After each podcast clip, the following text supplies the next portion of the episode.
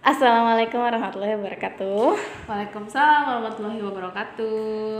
Eh, Balik lagi balik lagi sama kita berdua. kita berdua. Kamu siapa? Anissa, Ya, tapi aku lebih senang manggil kamu Nica, Nica, apa ya? iya nggak apa-apa. Oke, dan aku Sela. Sekarang kita mau episode 2 Salbi nih, Nica. Hmm. Kita mau bahas Bahas tentang apa? Sesuatu yang lagi booming banget Heeh. belakangan ini. Lagi bikin heboh ya? Iya bikin heboh. Bikin Pas banget, pas banget kita kemarin selesai ngerekam yang pertama ya. Oh iya benar. Terus malamnya tuh bener.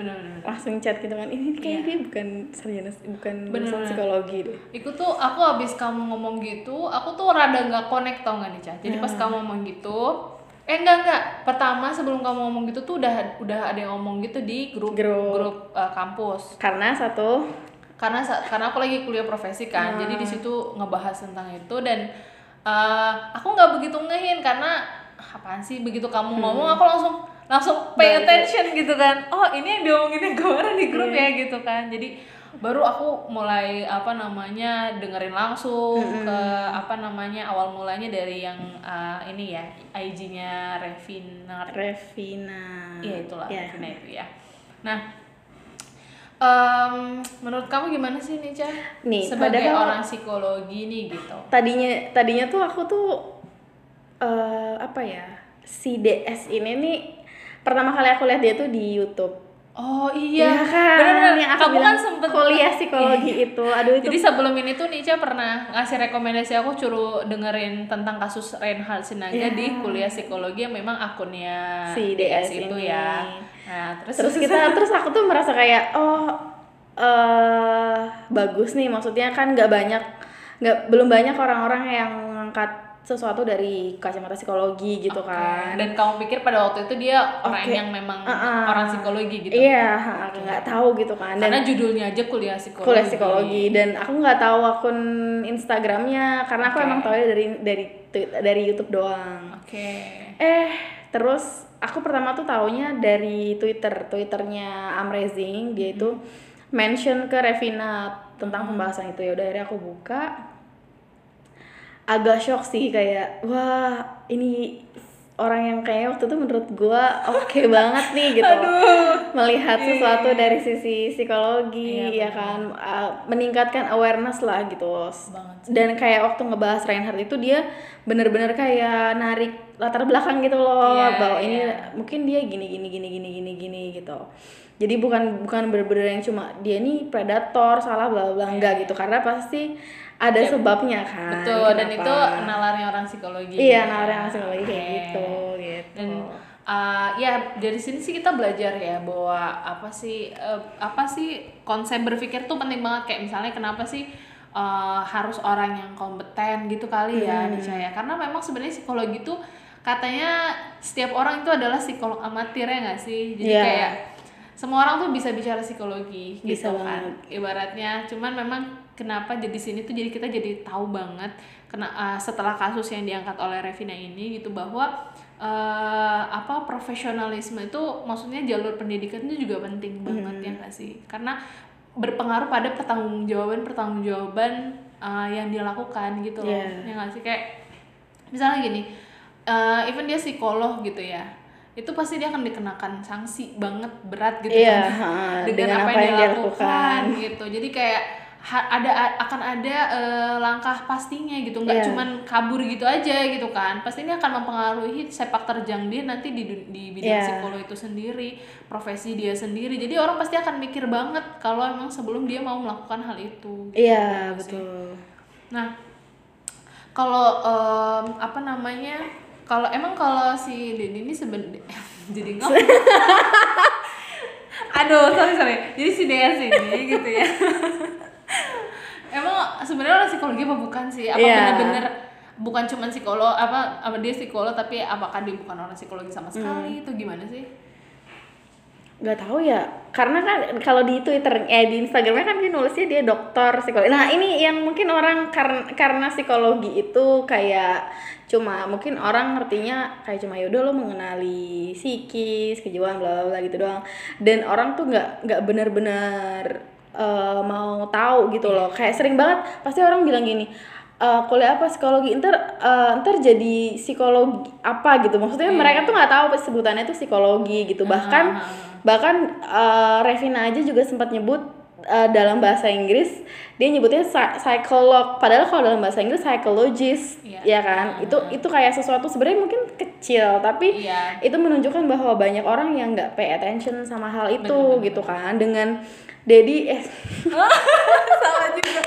Ya kipas DS dengan DS nulis di Instagramnya bahwa dia itu dokter psikologi eh, mungkin akhirnya banyak orang yang berasumsi bahwa oh dia Psikolog. psikolog, gitu Iya, kan bukan mungkin do- dokter jadi orang mikir mungkin do- dokter psikologi jadinya psikolog, gitu Psikolog. sama dengan psikolog Iya, sama dengan mungkin psikolog. maksudnya D- eh, DS ini hampir aja si DS ini tuh apa namanya eh, ngambil S3 gitu kan ya Hmm. bidang psikologi jadi dia menyebutkan bahwa dia tuh dokter psikologi Iya. cuman kita belum konfirmasi ya Iya. kayaknya belum belum dari dari postingan Revina juga belum ada kalau misalnya memang dia benar-benar Udah lulus eh, S3, lulus S3 atau belum gitu iya, ya. Nah, ha-ha. dan kemarin juga aku sempat dengerin dari Himsi Jaya bahwa di, memang kalau si DS ini baru S1 psikologi nih, Ca. Jadi eh, sama lah kayak kita ya Iya. nggak bisa praktek belum bisa praktek. Nah, itu juga kadang orang belum tahu Iya, ya. benar. Gitu. Kadang kan harus kitanya nih yang bener-bener ngerem.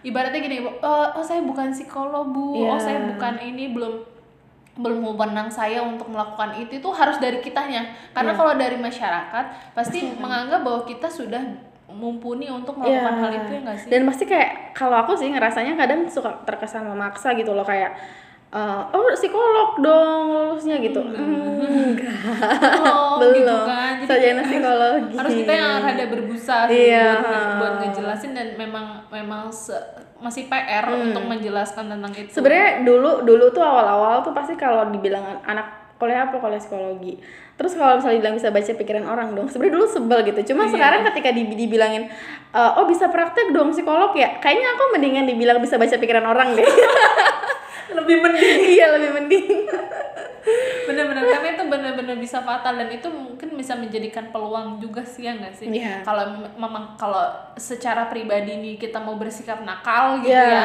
dengan ketidak eh, apa awareness tadi masyarakat tentang hal itu itu bisa banget ya mungkin seperti yang dilakukan DS, DS ini, ini, juga gitu iya. kan akhirnya dengan dengan eh, apa namanya dengan background yang dia rasa dia punya gitu loh dan Hmm. orang percaya gitu kan akhirnya dia ya itu tadi dia punya kalau kalau bahasanya dokter Boyke nih dia punya superior lah gitu karena kan Hmm. dia orang datang kepada dia gitu orang merasa superior sehingga dia kadang orang dia ngomong apa pun eh, mungkin klien juga akan ikut Iya. gitu kan dan karena kondisi klien tuh Sedang tidak stabil. bener da- jadi kayak eh, kita nggak bisa salahin banget ya eh, korban itu kenapa mau datang Iya. kenapa mau percaya aja atau apa itu kita bener-bener nggak bisa salahin kayak gini deh kalau sejak kalau kalau sejak kondisi fisik nih ya Iya. sebenarnya kan masalahnya perbedaan kita kita nanganin eh, maksudnya kita eh, mempelajari psik- psikologis terus kalau dokter itu kan fisik ya Fisik. nah ketika ketika misalnya ada orang yang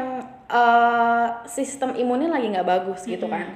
Terus dia eh, ke mana yang di situ lagi ada eh, sakit ada lagi ada orang-orang yang sakit. Kan eh, kita kita nggak serta merta langsung nyalahin dia atau eh, kayak lo sih datang ke sana gini-gini ya sistem imun- dia Oh lagi iya, nggak yang bagus kayak virus corona gitu. itu iya ya misalnya uh. gini kayak apa namanya mungkin kita lagi imunnya lagi kurang bagus terus kita datang ke suatu tempat ya terus ketular ya gitu. ya itu kan ya karena memang sistem imunnya sedang tidak bagus gitu kan. Nah Itu kenapa bahasa kalau penyakitnya fisik ya Iya, kondisi uh, tubuh ya yang sama sama juga gitu kayak psikologis. Maksudnya ketika kondisi lo sedang sedang tidak stabil Iya. terus ada ada it- kondisi tidak stabil itu kan ada, akan ada celah ya. Maksudnya orang eh, nasi dedi ini kenal lagi sorry banget nih Ded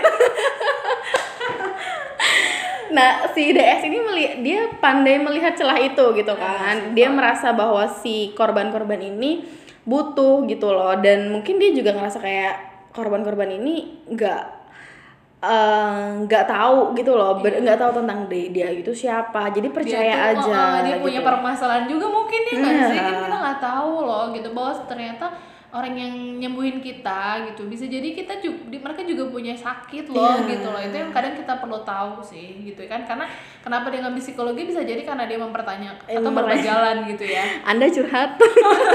Gak sih ya sih Gak sih Sih, ya jadi tapi penting banget buat kalau kita misalnya tahu kalau kita sakit jangan sampai kita jadi menyakiti orang lain gitu loh ya sih? Iya. justru karena kita sakit kita pengen nyembuhin orang lain kan kayak Betul. gitu ya rata-rata kebanyakan kalau yang bener belajarnya ya kayak gitu Iya. dia sakit tapi dia pengen bantu orang lain juga Iya, gitu kan karena tahu rasanya sakit itu nggak enak Nah, bukannya jadi karena di, kita sakit, jadinya kita malah-malah makin bikin orang lain Iya. sakit dengan pe- ih itu itu, Nah, itu itu mungkin kayaknya salah satu nggak abnormal kali ya bener. Jadi sebenarnya kita penasaran banget ya Nica Iya. sama pemeriksaan eh, psikologis si DS Betul ini banget, gitu ya. parah. Kita nunggu banget apa namanya pemberitaan tentang itu kayak pemeriksaan psikologisnya seperti apa. Hmm. Karena kan kebetulan menghilang juga ya nggak sih? Iya Jadi kita nggak bisa tahu dan apakah dengan dengan yang dia sampaikan bahwa ini fitnah atau dan segala macam kita juga eh, menunggu ya Iya. konfirmasinya gitu Iya, ya sama-sama karena kita mau tahu nih sudut pandangnya gimana. Iya, gitu karena kan selama ini sudut pandang kita cuma dari dari satu korban nih ya. ibaratnya ha, Ah, bener-bener. dari korban. yang, yang apa dari satu yang mungkin menampung uh, informasi dari korban Iya. gitu dan uh, kita juga nggak bisa apa ya gimana ya, kita mau untuk korban untuk bisa speak up gitu karena Itu kan sekarang susah. susah banget karena itu juga memang modelnya jalur pribadi tuh kayaknya memang lebih leluasa ya nggak sih Hmm, buat kita iya. cerita bisa uh, tolong di blur identitasnya nama dan segala macam itu kan enak tapi kalau untuk bersaksi di pengadilan Iya. itu pasti memberikan pressure yang nggak nggak kecil ya di saya. pasti. Jadi kayak Apalagi ada yang bilang udah punya suami, udah punya anak, dan benar, mungkin mereka nggak tahu, iya kan? bener dan dia pengen permasalahan itu ya emang buat dirinya Iya. aja gitu. Dan dia nyari bantuan itu ke orang lain yang kebetulan malah menyalahgunakan gitu Iya. kan. Itu posisinya berat banget. Betul. gitu. Apa kalau dia untuk bersaksi itu kita paham banget sih. Nggak mudah ya nggak sih? Jadi apa ya mungkin kita juga sebagai orang Indonesia nih buat pen- apa edukasi bersama bahwa kita nggak eh, nggak bijak kalau kita eh, apa ya menyalahkan korban ya Iya, betul. apa dan Namanya apalagi korban. apalagi dengan kondisi psikis kita yang belum tentu sama Iya. sama mereka gitu kan misalnya kayak Betul. uh, ya misalnya kita dalam kondisi yang nggak lagi depresi atau apa gitu atau mungkin kita punya resiliensi yang berbeda gitu Iya. ya tingkat resiliensi kan tiap orang juga beda-beda ya Iya, betul. Resiliensi itu apa? resiliensi itu apa ya jadi kalau kita Daya tahan kali ya. iya daya tahan jadi kayak ya tadi mungkin daya tahan tubuh Kalau imunitas itu ya. iya, kalau dari si- kalau secara fisik itu bisa disebut kayak imun ya. benar-benar Nah, karena kalau kan psikologis ini resiliensi. dapat masalahnya sama tapi mereaksinya beda Iya. gitu nah itu resiliensi gitu Iya. jadi ah, itu kan kita nggak bisa juga menyalahkan itu gitu Iya, karena betul. tingkat resiliensi setiap orang beda gitu kan jadi ya mudah-mudahan kita jadi dengan ada ah, apa pembicaraan ini kita bisa semakin meningkatkan juga Kesadaran. kesadaran bersama ya Iya. bahwa kalau ada korban atau apa uh, Ya, walaupun jangan kita nggak menye- menyetujui perilakunya gitu ya kita nggak bisa serta merta menyalahkan juga Hmm. Iya, gitu ya. betul. jadi kita perlu berempati melihat sudut pandang mereka juga Iya, gitu sih. muter muter kacamatanya ke kacamata mereka. Benar. Nah, cuma apa nih Nica kira-kira eh, kalau kita kan lagi sakit nih, tapi terus kita perlu juga misalnya tahu kita datang ke dokter yang memang Ya. eh, berkompeten atau enggak sih. Nah, itu tuh gimana sih batasan profesionalnya supaya kita tahu nih gitu kan kok oh ini udah nggak nggak bener nih gitu misalnya gitu untuk eh, ilmu awal aja gitu kira-kira apa sih Nica batasan profesional buat psikolog kali ya Pasti pertama lembaganya dulu ya. Oh. Dan pasti konseling nggak di kamar hotel. Oke. Jadi paling mereka punya kantor ya? Iya, paling mereka punya kantor. Tapi kalau di rumah ada nggak sih psikolog yang di rumah? Ada aja lah. Ada aja ya. Cuman ya biasanya kalau kalau kemarin sih Tika Bisono ya aku lihat di berita bilang kalau dia biasanya praktek di rumah si kliennya. Oh, jadi dia ke Gitu. rumah klien. Karena mereka dia mau berantem dan segala macam sama suami istri yang gak ada masalah deh. gitu kan ini rumahnya dia. Mungkin ki- kita yang datang ke rumahnya gitu kayak apa namanya psikolognya itu mungkin bis- masih bisa ya. Cuman kalau sampai ke tempat privasi yang apalagi dia kan yang dia ini sempat pakai menghilangkan jejak ya. Iya. Ya kan itu kan kayak mencurigakan Ha, banget ya. Maksudnya berarti maksudnya apa nih gitu kan ya ya hal-hal yang seperti itu sih ya enggak sih? Malah kan kalau nggak salah kemarin aku sempat baca deh. semenjak kasus ini jadi ada yang ada seminarnya DS ini di mana di Surabaya terus berapa hari setelah kasus ini booming tiba-tiba pembicaranya ganti Iya, ya iya, kan iya, itu iya. lah ini orang kalau dia bilang emang orang-orang fitnah Heeh. Nggak ya, usah takut nggak usah takut jelasin gitu aja jelasin gitu. aja. Sebenarnya sesimpel itu sih. Maksudnya kalau kita mau secara psikologis juga gitu ya. Iya. ibaratnya kalau emang kita nggak salah kita omongin sudut pandang kita ya Iya. nggak sih? Kalau nggak gitu kan orang lain juga nggak tahu. Dan orang dan kalau misalnya memang nggak mau terus disalahpahami ya bicara. Dia Bener sih? Ya kan dengan begitu dia juga jadinya kan dia sempat merasa menghancur dihancurkan karirnya jadi Iya. dengan dengan dia konfirmasi mungkin dia akan membersihkan nama baik dia Iya, sendiri ya betul. sih? Kalau emang enggak. uh, uh, juga apa ya mungkin uh, hal-hal yang bisa sebenarnya secara psikologis ya kayak gitu aja Hmm. gitu kan lanjut nah oke Jadi jadi, kalau- ya pokoknya nggak di kamar hotel Iya, itu udah pasti nggak di kamar hotel udah dan pasti nggak ada sentuh-sentuh. Ya nggak ada nggak boleh sentuh sentuh jadi nih kita punya kode etik ya. Ya ada kalau mau nonton ya ada di salah satu episode di film seri New Amsterdam ya seru film. banget ini. Nah di situ cuma itu psikiater. Jadi dia ini psikiater di salah satu rumah di rumah sakit New Amsterdam ini. Eh, waktu itu dia jadi kliennya dia ini anak-anak anak-anak cowok anak cowok nah si anak cowok ini nih ngerasa cuma aman kalau sama si dokter From ini Mm.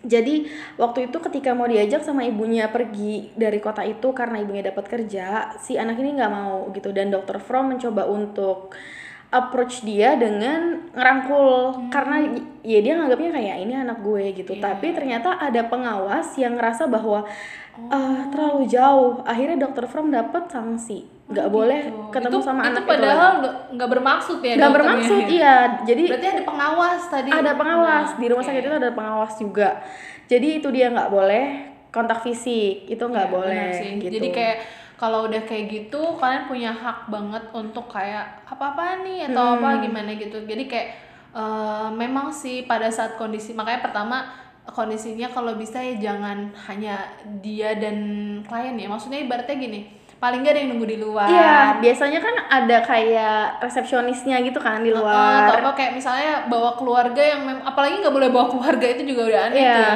Maksudnya ibaratnya kita uh, punya punya penamik kalau misalkan rata-rata kan kondisinya di situ dia nggak bisa ngapa-ngapain karena nggak ada orang lain pertama karena cuma berdua kan. iya.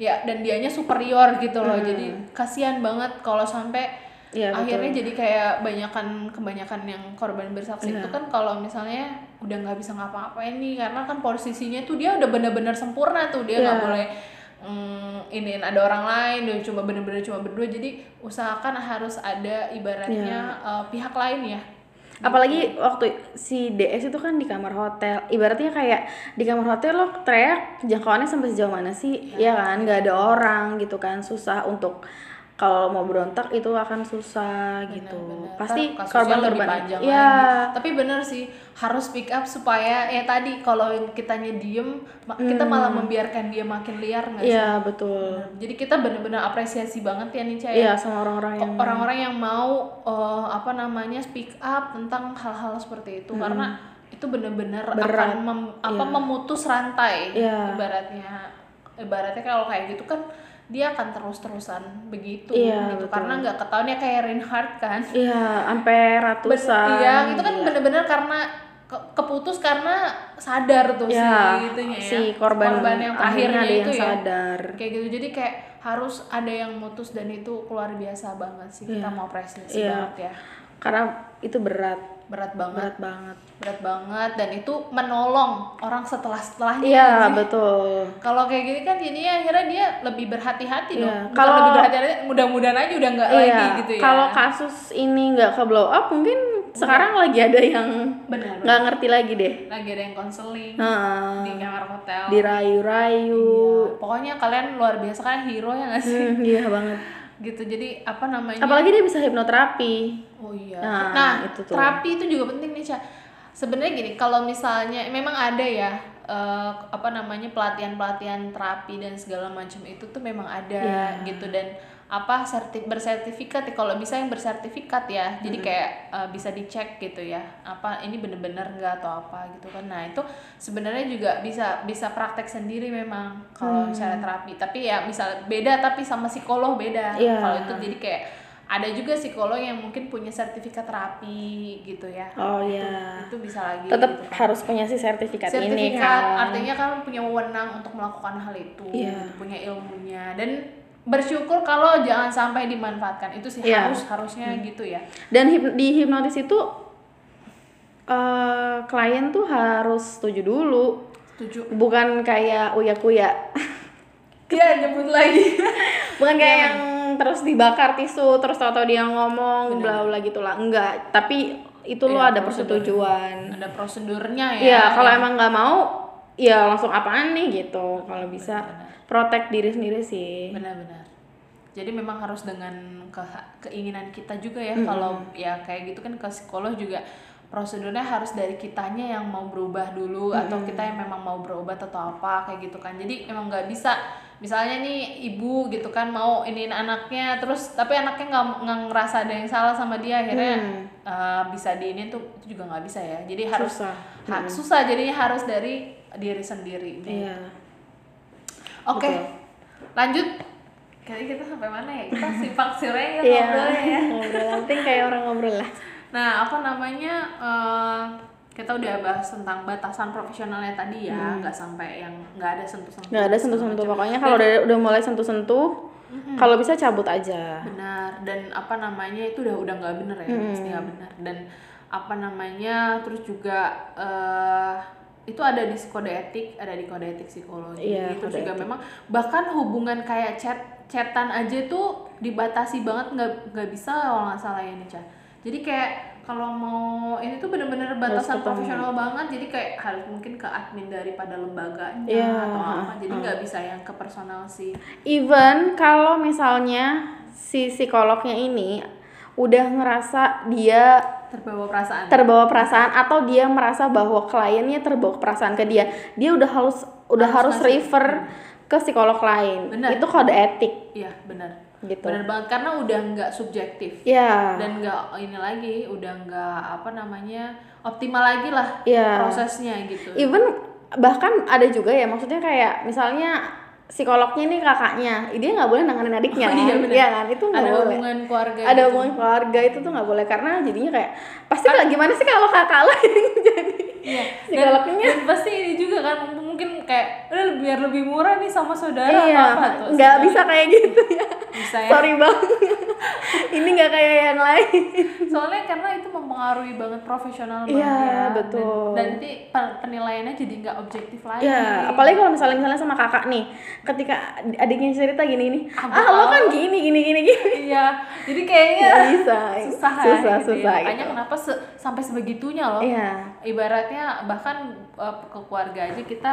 uh, profesionalnya baiknya di refer ya tadi ya. Iya, jadi nggak nggak sama uh, psikolog yang punya hubungan keluarga atau teman apalagi kali ya teman apalagi hubungannya apa namanya yang deket ya kayak misalnya suami ke istri atau apa Iya, gitu kan itu bisa, juga nggak iya. bisa gitu. Karena mau ngomongin suaminya gimana kalau misalnya suami iya. Kan gue mau ngomongin lu gitu ya. Aduh. Oke, sip. Nah, tapi ini bener-bener sebenarnya kalau kita mau ditarik nilai baiknya nih, Ca, Iya. gitu ya. Kita selalu tuh ada hikmah ya Mas. selalu ada hikmah bener. Aduh. maaf banget tapi ini tanpa mengurangi rasa hormat sama korban-korban yang udah speak up ya Iya, tapi bener-bener. eh, kasus ini tuh terangkatnya kasus ini tuh bikin bikin masyarakat tuh jadi Sadar. Sadar. Oke, benar. Jadi meningkatkan awareness tentang apa ya bahwa banyak banyak di luaran sana. Ini kalau orang psikologi itu kan suka selalu kita ada per- ada ada orang yang bukan psikolog tapi dia bikin ya.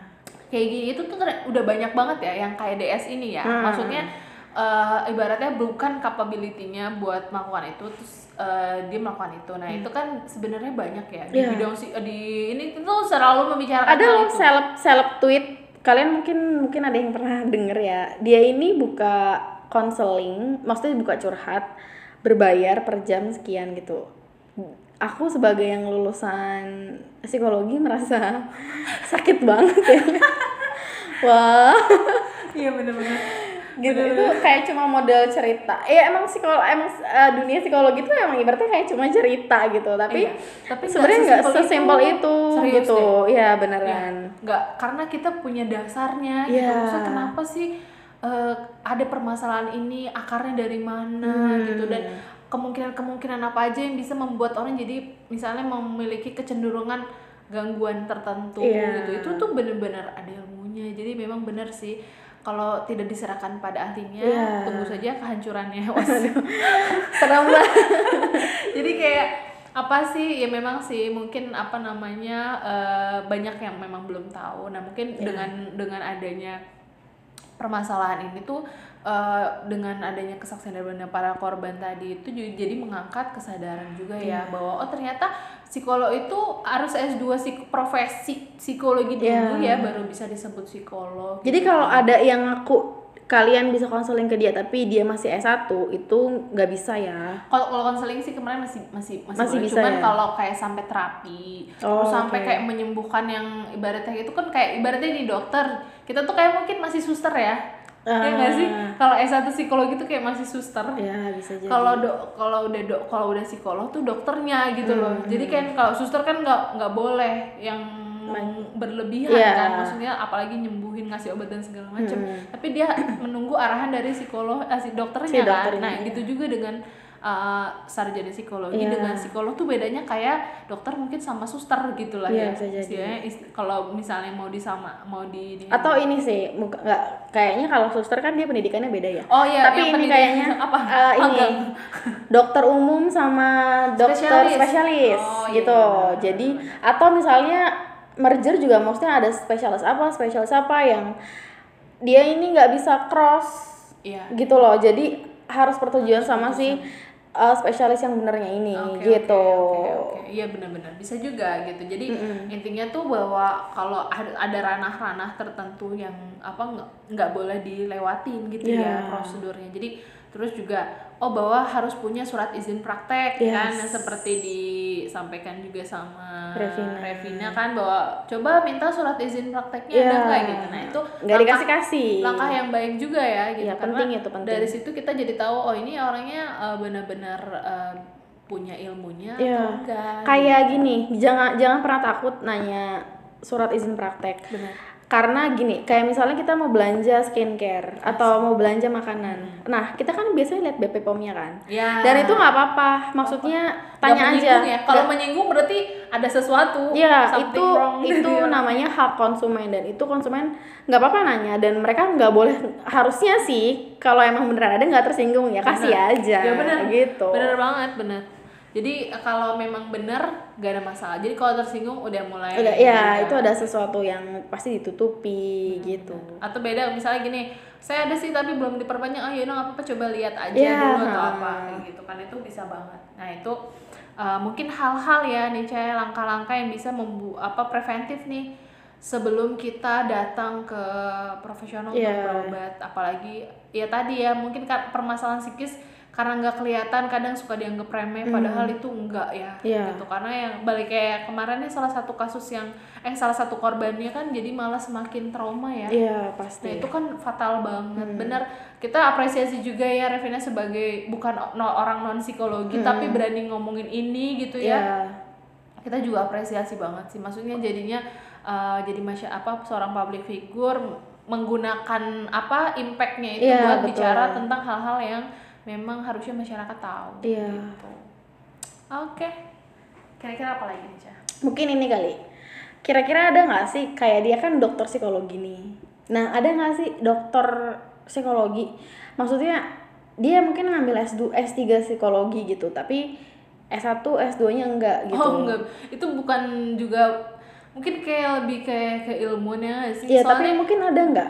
Maksudnya jadi langsung gitu. iya yang sebenarnya kasusnya kayak dia tapi bener gitu loh. Orangnya bener. gitu. Ha-ha, jadi maksudnya orang juga maksudnya jangan kayak oh gue bisa nih konsul sama dia dia dokter psikologi kan gitu. Belum, aku belum pernah denger sih. Aku juga belum pernah dengar belum pernah ya, denger, dokter psikologi belum pernah Loncat-loncat gitu tuh belum pernah denger dengar. sih. Iya benar. Maksudnya biasanya ya kalau misalnya ini ya dan dokter tuh apa sih beda sih pasti ngomongnya mungkin ke ilmunya Ke aja ilmu, tahu ya. tapi kalau untuk ke prakteknya gitu itu tetap harus psikolog sih Iya. Dan kalau nggak salah nggak nggak bisa kan jadi kalau masuk S2 psikologi itu ada apa ilmuwan, ilmuwan psikologi sama ngambil profesi psikologi.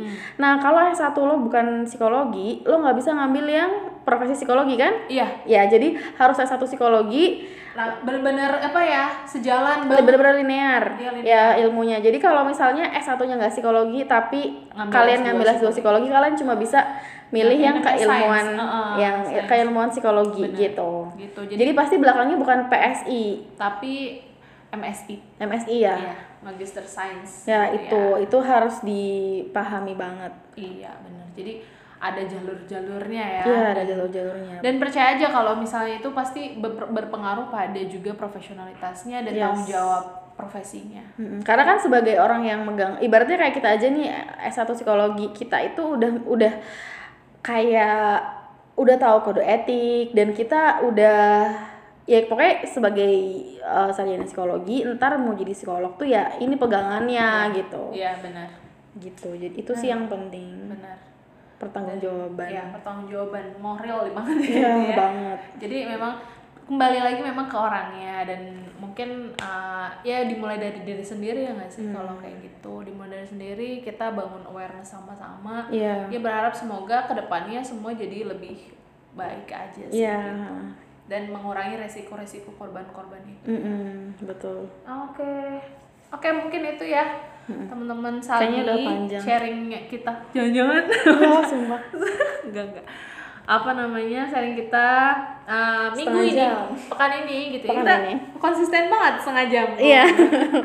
oke mudah-mudahan ya kita berharap sih ini bermanfaat ya untuk apa namanya pembahasan sama-sama buat Iya. emang gimana sih sebenarnya gitu kan atau apa. Dan untuk perkembangan kasus ini kita juga masih terus nunggu gitu Iya, ya. kita masih Uh, penasaran nih sama penasaran dengan sosok psikologisnya psikologisnya. si apakah Bapak DS ada yang ini. bisa dibahas tersendiri dari psikologis? Karena memang benar kan ibaratnya ya tadi kita nggak bisa apa karena misalnya kita yang merasa sakit belum tentu juga gitu kan. Iya. kalau misalnya ini tuh bener-bener sehat secara mentally Iya, gitu betul. ya kayak gitu. Nah mungkin itu aja kurang lebihnya kita mohon maaf ya kalau ada yang salah-salah juga Iya. boleh dikoreksi karena ya kita cuman manusia biasa oke mudah-mudahan itu penutupan Iya, penutupannya udah. udah Itu aja. Assalamualaikum warahmatullahi wabarakatuh Waalaikumsalam warahmatullahi wabarakatuh.